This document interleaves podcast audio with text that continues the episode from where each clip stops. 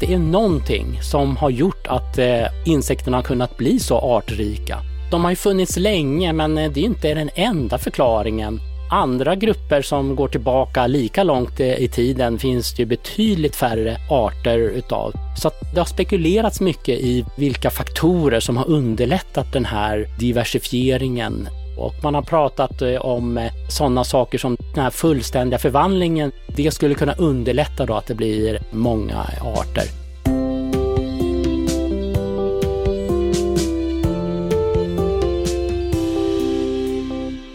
Att bli stucken av ett bi känns som att en ljungande torrhet, en slags ökenhetta, sprider sig i den sårade lämmen. Liksom om dessa solens döttrar ur sin moders brännande strålar insugit ett hastigt verkande gift. Åtminstone enligt 1911 års nobelpristagare i litteratur, Moritz Metterlink. Han var inte bara författare utan också amatörentomolog och i sin bok Bikupan från 1901 beskrev han binas liv, deras roll i naturen och deras förhållande till människan. Och även om han skrev om hur ont det gjorde att bli stucken så var boken på det hela taget en hyllning till biet. En annan nobelpristagare som studerade bin mer professionellt var Carl von Frisch som fick medicinpriset 1973 för sin upptäckt av hur bin berättar för varandra var de har hittat nektar med hjälp av en slags dans. Vi vet ganska mycket om bin eftersom de är vackra, spännande och uppför sig på fascinerande sätt. Men andra insekter har kanske mindre gott rykte. Morris Metterink skrev till exempel också en bok om termiter, men den blev inte alls lika framgångsrik som boken om bin. Det kan i och för sig också ha berott på att den verkar ha varit plagierad. Du lyssnar på Idéer som förändrar världen, en podd från Nobelprismuseet, som den här gången handlar om vad vi egentligen vet om insekter. Jag heter Gustav Källstrand. Och jag säger välkommen till dig, Fredrik Ronqvist. Tack. Ja, är det så att vi vet mer om bin än andra insekter för att de är vackra? Så är det helt eh, klart. Eh, det finns en enorm rikedom av olika sorters eh, insekter och eh, forskarna har ju ägnat sig väldigt mycket åt eh, de få grupper, de få insekter som är stora, färgglada, attraktiva och som väcker en nyfikenhet. Då. Och sen har det naturligtvis eh, gjorts eh, en hel del forskning på de insekter som är av betydelse för människan, våra parasiter och de som äter upp eh, våra grödor och så vidare. Just det, och bin är väl både då färgglada och nyttiga, så de är väl högt upp kanske? De är nyttiga som pollinerare, absolut. Så att eh, de har varit en eh, favoritinsekt eh, för forskare. Fredrik Ronqvist är professor i entomologi vid Naturhistoriska riksmuseet. Han har skapat dataprogram som använder matematisk och statistisk analys för att kartlägga insekters evolution och släktskap. Och de här programmen är idag standardverktyg för insektsforskare över hela världen. Men de kan också användas inom andra områden, från medicin till lingvistik. Fredrik har arbetat vid Uppsala universitet och Florida State University och idag är han alltså verksam vid Naturhistoriska riksmuseet i Stockholm. Eh, så hur många arter av insekter finns det egentligen på planeten? Eh, ja, det är ju faktiskt eh, så att vi forskare inte riktigt är säkra gjordes en eh, sammanställning eh, för en fem sex år sedan och då var många experter som var överens om att det kanske fanns runt fem och en halv miljon insektsarter i världen, varav bara 20 procent är beskrivna så här långt. Nu finns det data från de allra senaste åren som eh, har kommit fram med nya genetiska metoder och eh, så vi kan säga ganska säkert eh, nu att eh, den eh, uppskattningen kan inte stämma utan vi pratar om flera tiotals miljoner eh, arter totalt eh, i världen varav som sagt bara runt en miljon är beskrivna.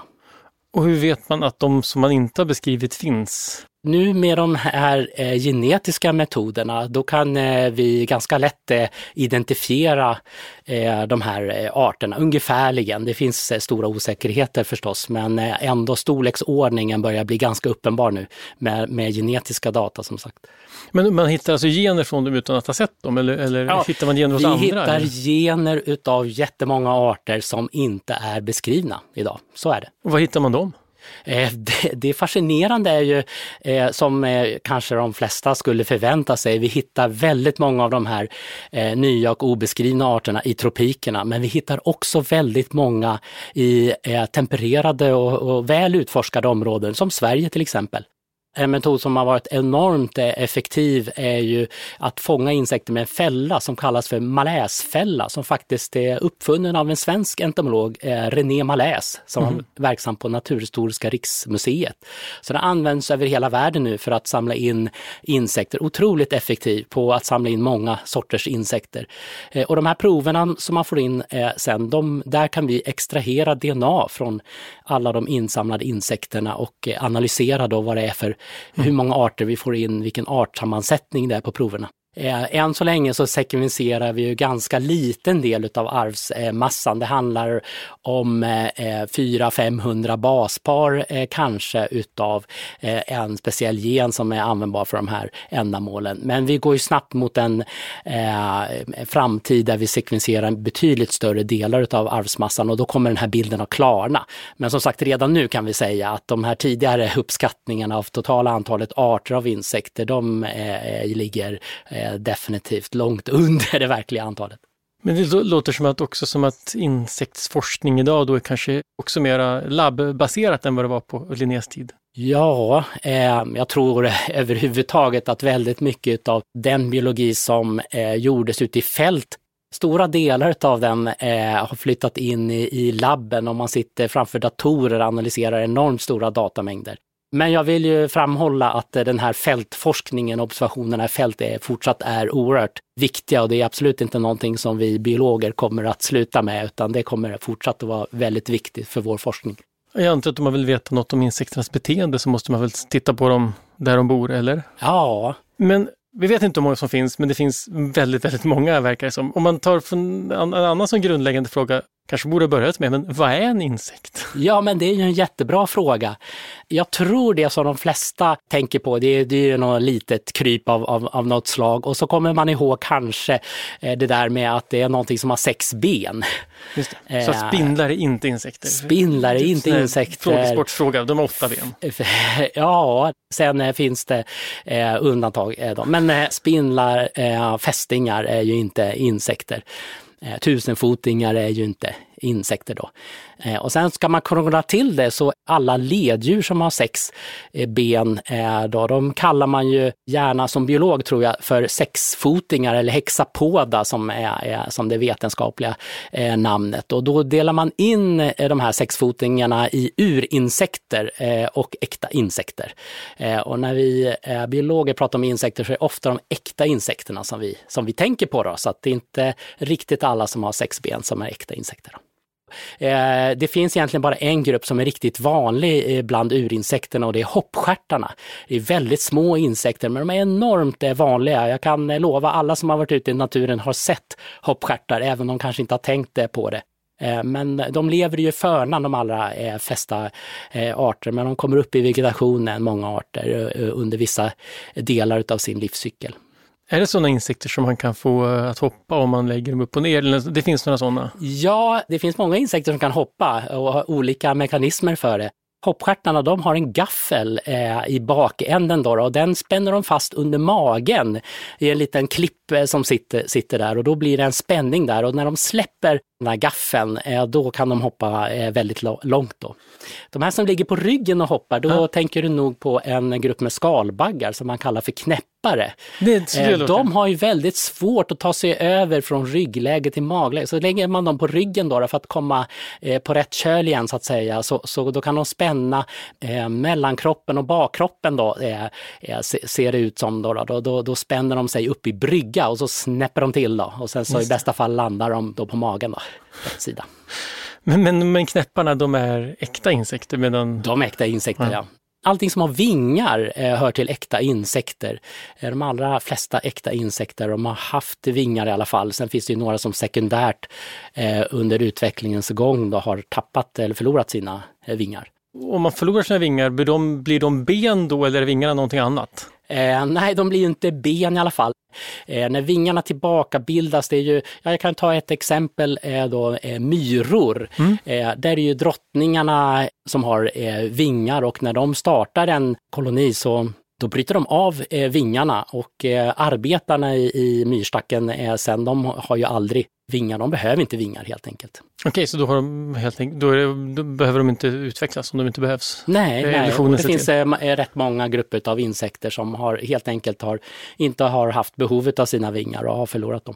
Betyder det att alla insekter hade vingar så att säga, från början när insekterna Eh, alla äkta insekter till. utom ett, eh, fåtal eh, små grupper där i väldigt tidiga linjer i utvecklingen av äkta insekter. Alla de andra har vingar då. då. De här som saknar, som aldrig haft vingar bland de äkta insekterna, det är ju silverfisk som kanske en hel del har sett i, i sina badrum. Då, då. Mm. De älskar ju lite fuktiga utrymmen och lever nära människor. Och det känns ju skönt att de inte har vingar kan vi tycka. Ja.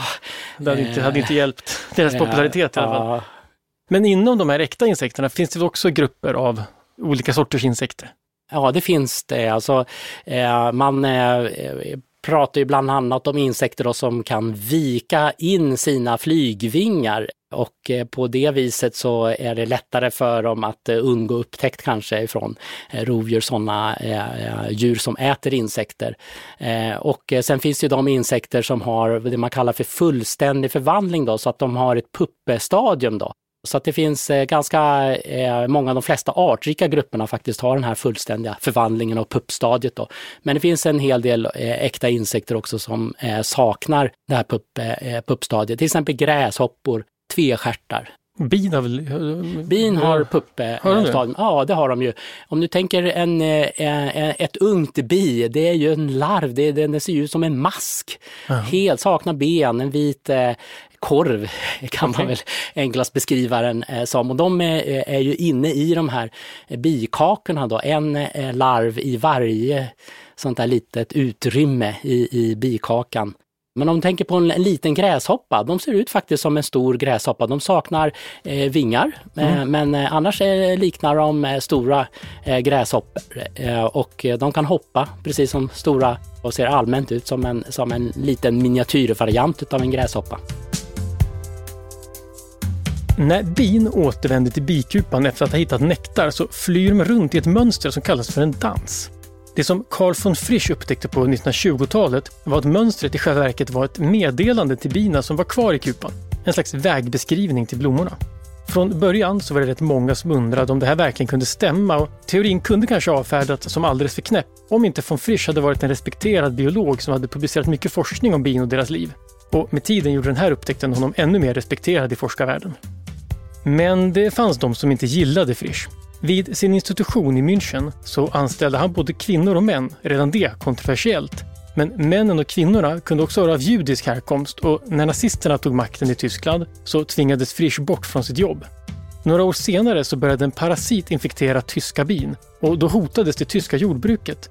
Det gjorde att Frisch fick tillåtelse att återuppta sin forskning. 1973 så fick von Frisch Nobelpriset i fysiologi eller medicin tillsammans med Konrad Lorenz och Nicolas Tinbergen. Och vill du veta mer om deras forskning om djurs beteende så kan du lyssna på vårt poddavsnitt Hur tänker djur?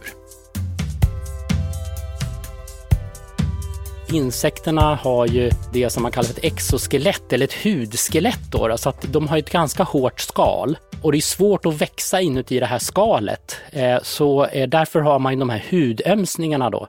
Så att en gräshoppa den går igenom, den blir, eh, växer inuti det här skalet tills det är sprängfyllt då och sen så ömsar den skinn då. Och så övergår den i nästa stadium och det brukar vara en, en fyra, tre, fyra, fem sådana stadier i utvecklingen utav en insekt och de där stadierna har varit ganska lika från början då. Men eh, sen eh, har det så småningom utvecklats, någon av de här stadierna utvecklas mer till ett vilstadium eh, och de tidigare formerna utvecklats till att ofta äta någon annan slags mat och att få ett annat utseende helt enkelt. Så att det är larverna kan man väl säga som är den evolutionära innovationen och den extrema slutpunkten i den där trenden kan ju sägas utgöras utav de här vita korvarna då, mm. som finns till exempel hos eh, bin, men de finns hos många andra eh, insekter med fullständig förvandling. Så att den där liksom förvandlingen från larv till, det är liksom en sorts vidareutveckling av det här ömsandet på något sätt? Att man... Det är helt klart en ja, vidareutveckling av ömsande och en specialisering utav de tidiga stadierna där, den där utvecklingen till, till, till att leva i en annan miljö och ha helt andra anpassningar då än de vuxna insekterna. Och andra saker som liksom utverkar som insekter? Jag tänker på det här med andningen är väl annorlunda också? Att de inte har ja. lungor? Ja, så de har ju ja, ett Eh, det man kallar för ett eh, trakésystem. Då, så att, eh, insekter är ju som eh, alla leddjur och egentligen är vi det också, vi är uppdelade i segment av kroppsdelar. Och de här kroppsdelarna kan man ju ofta se väldigt tydligt. Ta en fjärilslarv till exempel, där ser man ju väldigt tydligt de olika kroppsdelarna eller segmenten. Och, och varje sånt segment på sidorna ofta så kan man se på en stor fjärilslarv till exempel, kan man se en oval springa. Det är öppningen då in till det här trakésystemet som tar in luft då, delvis passivt. Men eh, eh, många insekter har ju ganska så effektiva organ som pumpar luft in och ut ur det här eh, trakésystemet. Men vi tar in eh, luft på ett ställe. Eh, insekterna tar in luft på väldigt många olika ställen och de använder sig mer av diffusion än vad vi eh, gör och mindre av aktiv eh, andning. Men om du tittar på ett bi till exempel eller en geting, då kan man se bakkroppen, den pumpar upp mm. och ner med bakkroppen och det är för att hjälpa till eh, med eh, andningen. Så det finns eh, ändå vissa likheter då mellan vår andning och deras. Diffusion, är det när syret går in i cellerna direkt och inte ja, via blod? Ja, så att man har ju många intag då, de är intagen, luftintagen är spridda, de här andningsöppningarna, de är spridda över hela kroppen så det blir mycket kortare avstånd från luften utanför och in till cellerna som behöver syret. Eh, de kan jobba lite annorlunda eh, med syresättningen än vad vi gör. Hur nära släkt är vi med insekter? Det känns som att vi är ganska långt bort. Ja, det, vi är ju väldigt eh, långt bort eh, ifrån insekter. Vi pratar om eh, flera hundra miljoner eh, år bort. Det handlar om en av de första uppgreningarna, de stora, vad ska vi säga, bifurkationerna i utvecklingen utav djur. Mm. Men vad, är, vad är deras släktingar insekterna förutom, de är ju släkt med varandra? Men... Ja, det är ganska intressant. Det är ju, um, insektsforskare trodde ju länge och eh, eh, det var väl tack vare inflytande från några väldigt kända insektsmorfologer. Då, då trodde man att eh, insekter var närmast släkt med tusenfotingar. Men nu vet vi att insekter är, är, ju faktiskt närmast släkt med kräftdjuren. Man kan säga att de är, det är kräftdjur som har gått upp på land egentligen, insekter. Ja, just och är det därför det inte finns några insekter i havet? Att där finns det kräftdjur alltså, Det är ju väldigt fascinerande som du säger, just det att insekter finns i nästan alla livsmiljöer man kan tänka sig, men väldigt få. Det finns en hel del som lever på stranden då, i strandmiljöer, men nästan inga i havet. Nästan inga alls. Och, och vet man varför, varför? Eller är det för att deras, den nischen är full av kräftor och humrar? Och... Ja, man kan tänka sig att det var ju enormt många livsformer i havet mm. och, och, de gick upp på land och där fanns ju enormt eh, stora möjligheter eh, då för dem att utveckla olika eh, livsformer. Och man kan tänka sig i början också, de hade inte så många fiender heller i den där land, eh, landmiljön så att eh, det är nog förklaringen till att de finns i just de miljöerna. Och de har funnits länge. Jag antar att det är en av skälen till att det finns så många. Ja, de har ju funnits länge, men eh, det är inte den enda förklaringen. Eh, andra grupper som går tillbaka lika långt eh, i tiden finns det ju betydligt färre arter utav. Så att det är någonting som har gjort att eh, insekterna har kunnat bli så artrika. Det har spekulerats mycket i vilka faktorer som har underlättat den här diversifieringen. Då. Och man har pratat eh, om eh, eh, sådana saker som just den här fullständiga förvandlingen. Det kan vara viktigt. Då får man en specialisering mellan larverna som lever på en slags mat. Det gäller att de ska växa och bli stora och de kan fokusera helt på det. Och sen som vuxna insekterna, de är helt specialiserade på att reproducera sig, föröka sig. Och det skulle kunna underlätta då att det blir eh, många arter. Eh, sen är det på något sätt så att eh, mångfalden på något sätt genererar ytterligare eh, möjligheter till diversifiering. Mm. Så enormt många eh, insektsarter, de är ju det som vi kallar för parasitoider. Eh, det är någon slags mellanting mellan rovdjur och, och, parasiter och de lever på andra insekter. Så att ju fler insektsarter det finns, desto fler sådana här parasitoider kan det bli då. Eh, så att man får på det viset får man liksom eh, en multiplikation där i mångfalden av insekter. Visserligen så är bin och fjärilar populära att studera eftersom de är både nyttiga och vackra. Men när det gäller Nobelpris, då är det en helt annan insekt som toppar popularitetslistan. Bananflugan. Det är inte bananflugan i sig man vill studera utan den används som en modellorganism. Alltså ett djur som är lätt att använda i experiment. Det som gör bananflugan så användbar är samma sak som gör den irriterande utanför labbet, att den förökar sig snabbt. Honorna lägger flera hundra ägg och det tar bara tio dagar att få fram en ny generation flugor. Det här gör dem perfekta för att studera genetisk förändring. På 1910-talet så använde medicinpristagaren Thomas Hunt Morgan bananflugor för att kartlägga hur mutationer fungerar. Och när hans elev Herman Müller på 20-talet visade att strålning kan orsaka mutationer så gjorde han det genom att utsätta bananflugor för röntgenstrålning. Men bananflugorna kan också användas för att förstå hur människan fungerar. 1995 års medicinpris belönade forskare som upptäckte generna som styr utvecklingen hos embryon. Och 2017 så gick priset till kartläggningen av de gener som ligger bakom mekanismerna för dygnsrytm. De här generna upptäcktes alltså i bananflugor men finns också hos oss. Det beror på att gener går i arv och många gener som styr grundläggande saker, som till exempel utveckling av embryon och dygnsrytm, uppstod för så länge sedan att vi delar dem också med en så avlägsen släkting som bananflugan en sån här parasitoid då, parasitsteklar är kanske det bästa exemplet. Då. Det finns enormt många arter utav parasitsteklar. De eh, lever inuti eller utanpå oftast en annan eh, insekt. Då. Det kan vara en larv, ibland är det en puppa, eh, ibland en vuxen insekt. Det kan vara ett ägg också, men utav en annan insekt. Och de lever på en enda värdinsekt. Och ibland är de så enormt välanpassade till det här levnadssättet så de kan faktiskt låta värdinsekten växa och eh, eh blir fullvuxen eh, nästan innan de till slut äter upp den och det slutar alltid med att värdinsekten blir uppäten. Då, då. Eh, och eh, då avslutar också den här parasitoiden sin utveckling. Då, då. Så att till skillnad från en, en parasit då, så, eh, och, och, i likhet med, med ett rovdjur då, så äter de upp eh, det här värddjuret. Då. Till, till skillnad från rovdjur så äter de inte många djur utan ett enda bara. Och de här värddjuren, har de någon glädje av det innan de blir uppätna? Nej, nej, absolut inte, utan eh, de här arterna som är värdar för eh, parasitoider, de gör ju allt eh, för att bekämpa de här parasitsteklarna. Då. Så att det finns en, en hel del parasitstekelarver som lägger ägg inuti en, en värdlarv och då försöker larven, de har ju ett immunsystem precis som vi, så de försöker kapsla in eh, det här ägget och kväva det till döds. Eh, och eh, då blir det naturligtvis så att parasitstekaren försöker utveckla mekanismer för att slå ut värdlarvens immunförsvar.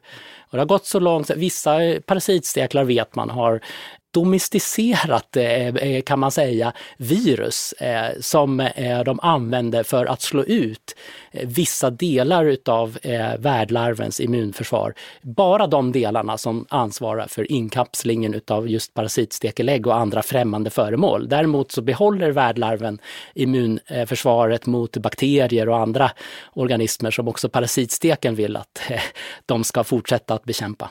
Men det låter som att det där är ett ganska vad ska jag säga, sammanvävt system. De där, eller det är en kamp uppenbarligen mot varandra, men där som håller på.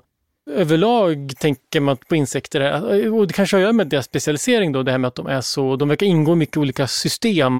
De är själva rätt speciella livscykler, men också ingår i andra arters livscykler, alltså både andra insekter och växter och djur och så. Är det en konsekvens också av den här specialiseringen kanske? Ja, det, det är ju den här specialiseringen ser man ju i interaktionen mellan insekter och andra organismer, inte bara insekter sinsemellan. Vi eh, som eh, forskare har ju varit intresserade av vissa eh, speciella grupper och man, man, ser det väldigt tydligt nu när man får, börjar få en bättre uppfattning om hur insekternas mångfald egentligen ser ut. Att väldigt mycket av de insekter som har attraherat vårt intresse, mm. som vi har varit intresserade av, det är sådana som man hittar på växter. Så det finns väldigt mycket eh, forskning gjort på relationer mellan växter och insekter. Och det finns ju väldigt mycket man skulle kunna prata om där, men till exempel är det ju många växter som är beroende av insekter för sin pollinering. Eh, och där, det är också ett, en kamp som leder till en specialisering där ju eh, växterna försöker utnyttja insekterna så, så gott det går och komma så billigt undan som möjligt. Eh, och ändå få helt säker pollinering. då. Det liksom energimaximering? Att, blommorna har en glädje av insekterna förstås. Växterna har ju, de kanske är helt och hållet beroende ja. av att bli pollinerade utav eh, insekter. Eh, det finns ju väldigt många sådana spännande system bland orkidéer som har studerats eh, där eh, det finns exempel på orkidéer som eh, lockar till sig insekter men de e- erbjuder egentligen ingen belöning. Det är nektar är ju eh, en belöning annars för insekterna som kommer dit och pollinerar de eh, här blommorna. Men eh, det finns de som luras och inte producerar någon nektar. Då kommer de lite billigare undan och då gäller det att ha tillräckligt attraktiva signaler då, som gör att insekterna inte kan motstå att komma dit ändå. Då. Och det finns exempel på eh, orkidéblommor som eh, använder sig av dofter så att de doftar eh, som honorna, parningsvilliga honor utav eh, vissa insektsarter och då blir det svårt för hannarna att motstå det där. Alltså de eh, kommer till blommorna, besöker blommorna och eh, försöker att para sig och då passar ju då blomman på att klistra fast då de här pollenet på, på dem då, så att de kan flyga vidare och pollinera nästa blomma. Just det, och de lär sig inte? Nej, de, det är svårt för dem att helt, de försöker ju såklart, det finns en viss fördel och, och att kunna undvika det där men eh, nej, de, eh, och, och orkidéerna försöker helt, hela tiden motverka deras, eh, hannarnas försök att lära sig då, eh, i en evolutionär eh, mening. Då. Någon sorts kapp, kapplöpning? Det är en kapplöpning, absolut. Man kallar ju det för ett arms race. Då. Ja, precis. Och pollinering, är det liksom jag säga, det kanske är fel ord att prata om liksom nyttan, för insekterna är väl en nytta i sig för sig själva, men, men, men liksom en, en sån roll de har i alla fall i ekosystem. Är det pollinering det viktigaste eller är det fler saker? Eh, eller kanske det, det, är, för vem? Det är sådana här uh, uttryck som, eller ett sätt att se på världen som får magen att vända sig på en, eh, en, en biolog, en forskare. Ja, men alla arterna på något sätt eh, finns för sin egen skull. Det är ju liksom det som är den förklaringsmodellen som har visat sig eh, hålla. Då. Så det är lätt att man lägger sådana mänskligt perspektiv med nyttan utav arter. Men om vi försöker lägga undan eh, det lite grann då, så kan man ju eh, tänka sig så här att ett ekosystem, då, väldigt många arter tillsammans, de levererar ju en del ekosystemtjänster, det är ett sånt eh, populärt ord. Eh, då. Men det finns saker vi kan dra nytta av där och då kan man fundera på vilka eh, ekosystemtjänster som olika arter bidrar med och då, då kommer vi in på ett tänkande som är, står i överensstämmelse med, med, med våra vetenskapliga hypoteser och så och modeller. Eh, och Eh, och då kan jag säga att eh, eh, pollinering är absolut, det är något som uppmärksammas väldigt eh, mycket. Men det som är mindre känt som jag också vill lyfta fram här, det är att det är enormt många insektsarter och särskilt de här som är väldigt dåligt kända står för andra typer av funktioner om man uttrycker det så i ekosystemen. Jag, jag brukar uttrycka det som att de är naturens lokalvårdare. De står för nedbrytning, de ser till att organiskt material kom, snabbt kommer tillbaka i kretsloppet och sen har vi alla de här eh, parasiterna eller parasitoiderna som vi pratar om då, som är oerhört viktiga att reglera eh, storleken på insektspopulationer, eh, inklusive många skadegörare och andra som skulle få allvarliga negativa effekter på ekosystemen om de tilläts att förökas ohämmat. Bananflugor är inte de enda insekterna som används inom forskning. Och Nobelpriset är inte det enda priset som belönat forskning med insekter som försöksdjur. The Ig Nobel Prize startades av studentspexare vid Harvard och delas idag ut till forskning som först får en att skratta och sen tänka efter. Och 2005 så gick det här priset till två forskare som undersökte hjärnaktiviteten hos gräshoppor som tittade på Star Wars. Anledningen att de gjorde det här var att gräshoppor har dålig syn, men de är ändå väldigt bra på att undvika att hoppa in i saker. Det beror på att de har speciella nervceller bakom ögonen som fungerar som rörelsedetektorer. Och det var aktiviteten i de här cellerna som forskarna ville mäta. Medan gräshopporna själva rör sig är det svårt att göra, så lösningen var att de fick sitta stilla och titta på rörliga bilder på föremål som rör sig snabbt mot dem. Som när Darth Vader flyger rakt mot kameran i Star Wars. Och forskningen var inte bara gjord för att den var rolig, utan forskarna använde resultatet från mätningarna för att tillverka elektroniska sensorer som gör att robotar kan undvika att krocka med föremål. Och det är ju användbart i allt från självgående dammsugare till självkörande bilar. Jag gillar det här exemplet när man eh, hade problem i Australien med eh, komockor. Mm. Helt enkelt. Det fanns inga insekter, för insekter är väldigt viktiga i att bryta ner komockan. Det finns arter som skalbaggar, dyngbaggar och som angriper de här komockorna och gräver ner bitar utav dem ner i marken. Mm. Det här påskyndar ju nedbrytningen av komockarna enormt. Eh, och det är förstås många andra organismer som behövs. Eh, men det, det, som hände i Australien var att man fick de här komockarna, de låg kvar på marken så länge så de hämmade grästillväxten. Mm. Då. Eh, så att eh, det blev sämre betesmarker helt enkelt eh, för att de insekterna saknades.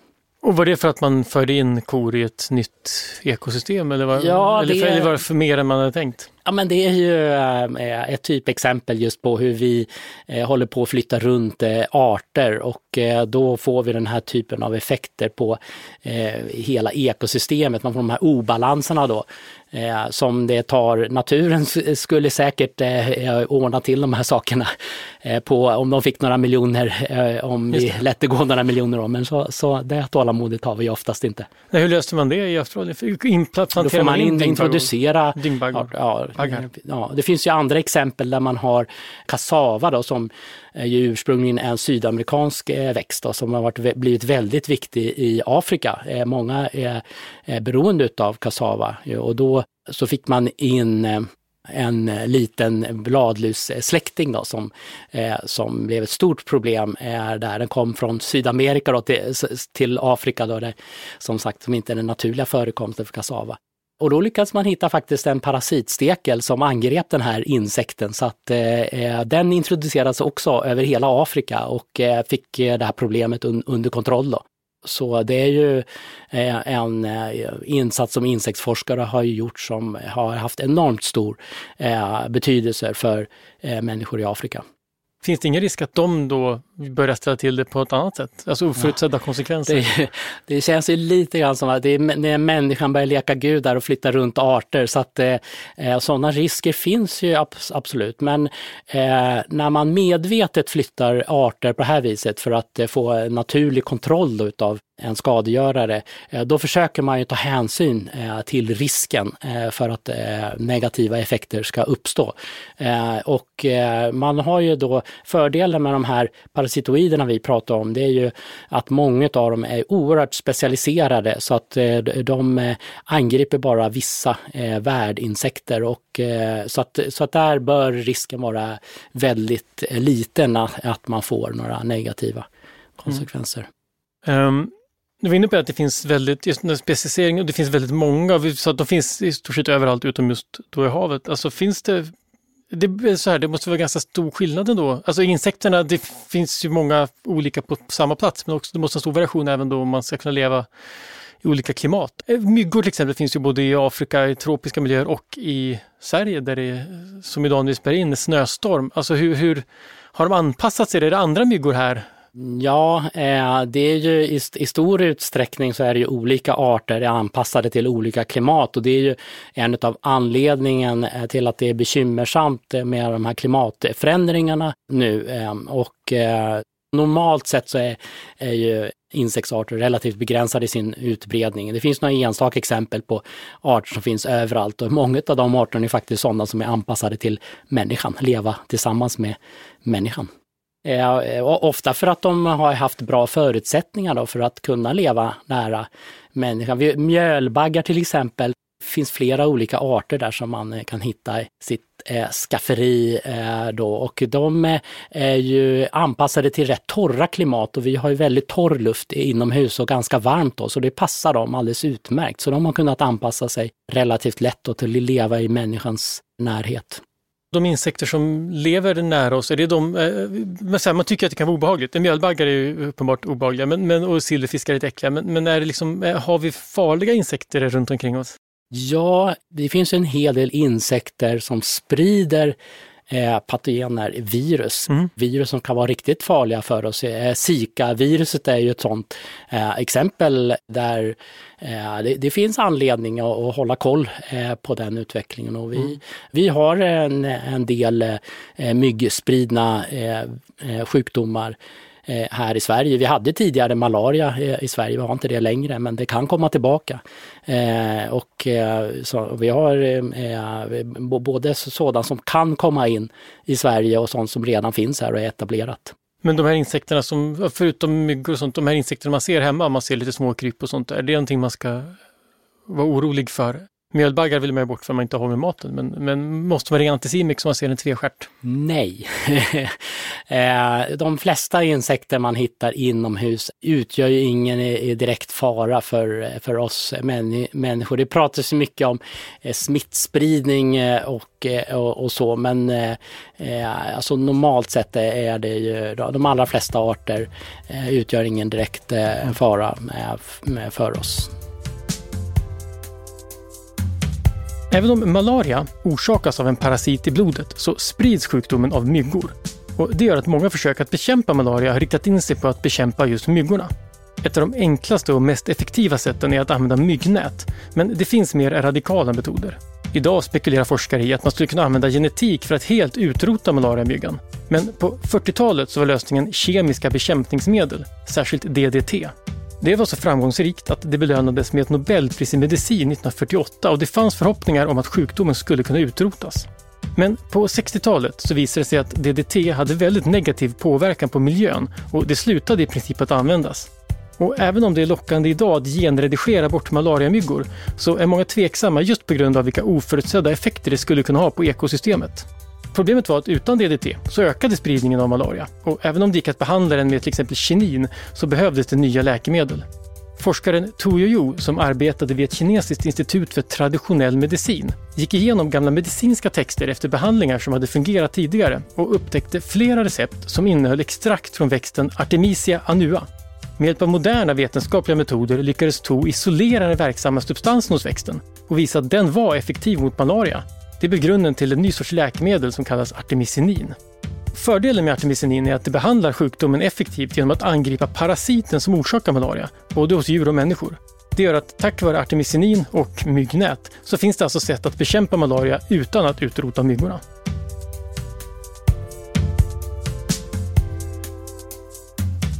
alla insekter som vi har i vårt land, de måste ju klara sig över vintern och det är klart att det är tufft.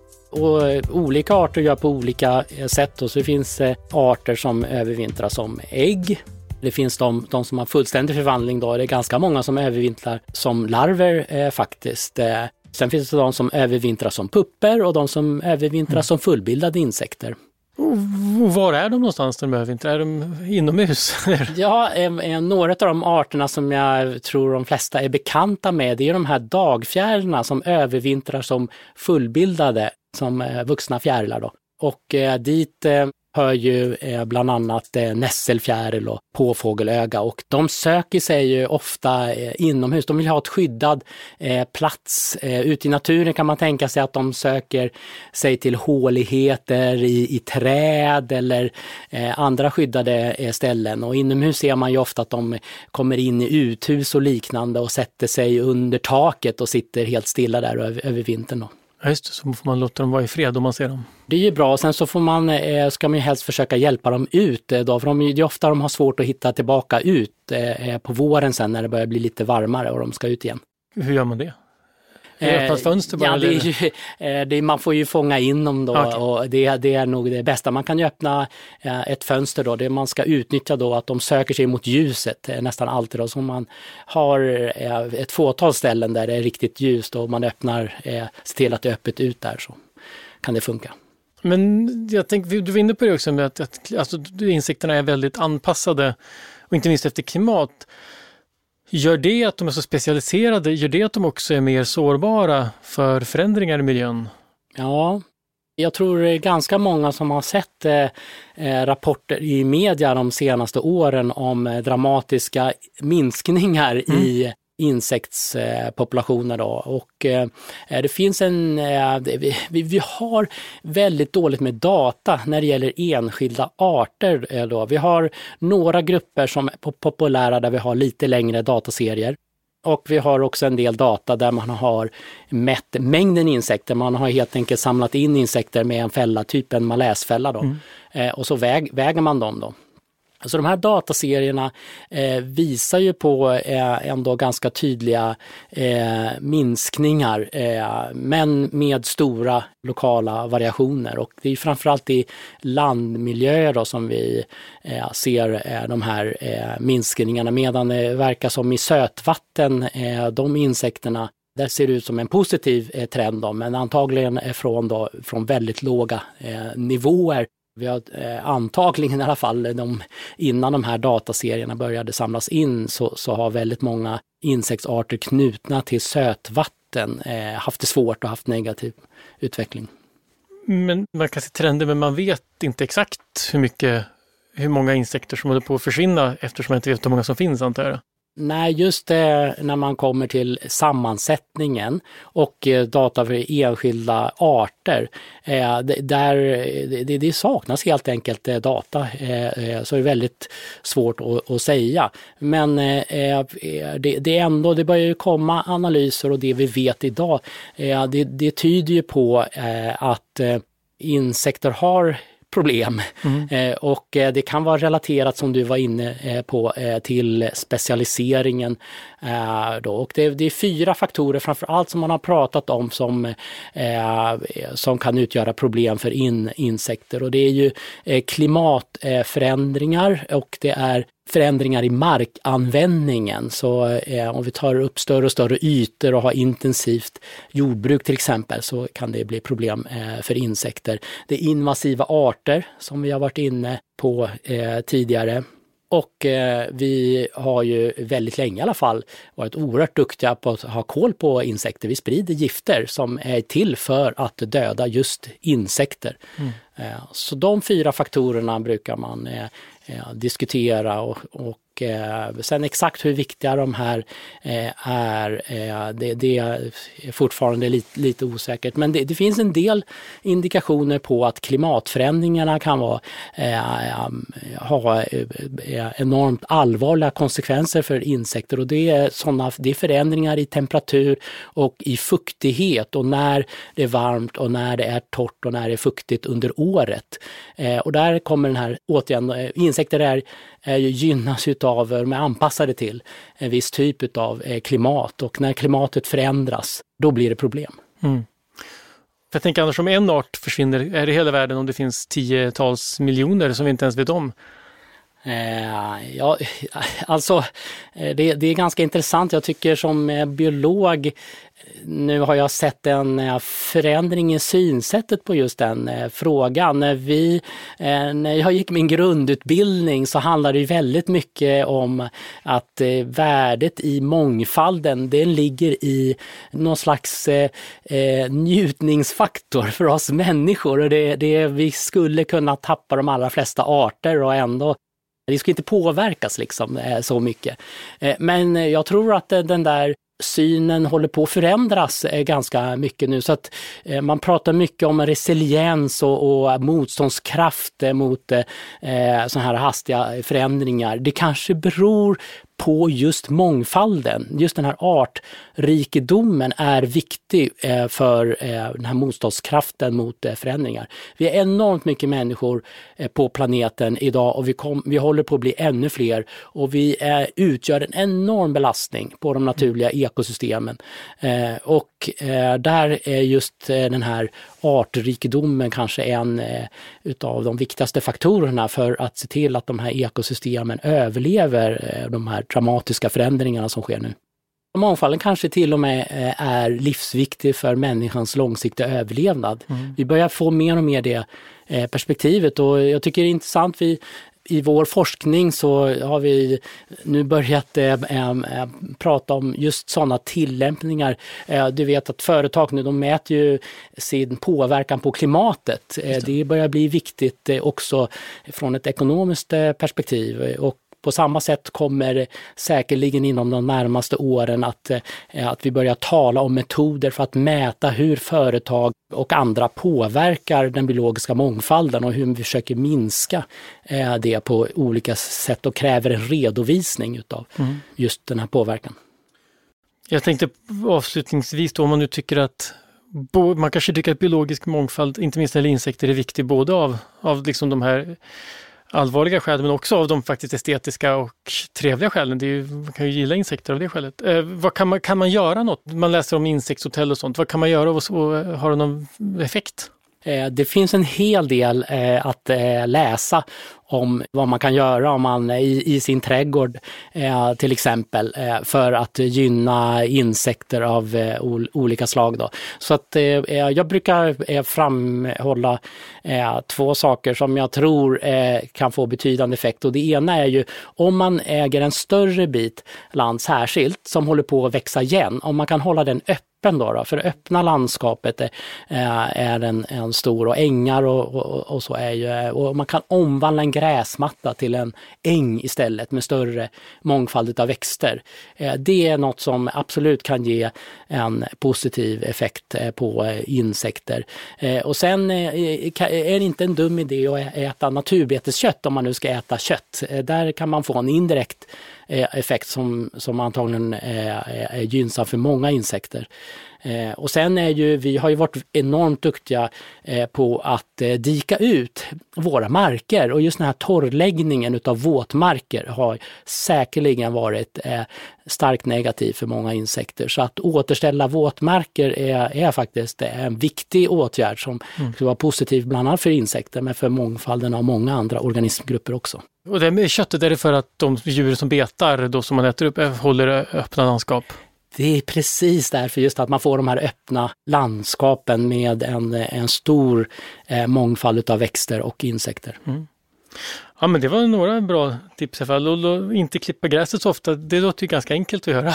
Det, det är fantastisk eh, åtgärd. Och, eh, jag har sett eh, grannar som är eh, intresserade av det här och man klipper liksom några gångar igenom eh, gräsmattan och så låter man resten eh, bara utvecklas eh, fritt. Då. Mm. Eh, om man är road av att slå med lie eh, så är det fantastiskt. Det är fantastiskt roligt och det är, det är ett sätt där man då tar ner vegetationen ett, en eller ett par gånger under säsongen och så ska man gärna då frakta bort det där får man ner näringsinnehållet i marken och eh, kan gynna mångfalden på det viset. Perfekt. Det låter bra tips. Jag misstänker att man kan typ gå till Naturhistoriska riksmuseet och titta på, eller på deras hemsida i alla fall, och hitta fler tips kring hur man hjälper insekter. Ja, ni är hjärtligt eh, välkomna både besöka Riksmuseet eh, fysiskt men också titta på det stora utbudet av digitala olika former av information som vi har på, på nätet. Ja, ett, ett superbra tips och som också bli slutord idag. Men tack så jättemycket Fredrik Ronqvist. Ja, tack själv, vad roligt att vara med. Idéer som förändrar världen är slut för den här gången. Den här podden görs av Nobelprismuseet. Vi finns på Stortorget i Gamla stan. Information om museets utställningar och öppettider finns på museets hemsida nobelprismuseum.se. Du kan förstås också följa oss på Facebook och Instagram. Och vill du veta mer om Nobelpristagarna och deras arbete så gå gärna till Nobelprisets hemsida nobelprice.org. Och ett stort tack till Nibe Group, EF Education First, Knut och Alice Wallenbergs stiftelse och familjen Erling Perssons stiftelse som möjliggör Nobelprismuseets verksamhet. Idéer som förändrar världen görs i samarbete med produktionsbolaget Filt, producent är Andreas Wiklund och jag heter Gustav Källstrand. Vi är snart tillbaka med nya intressanta samtal.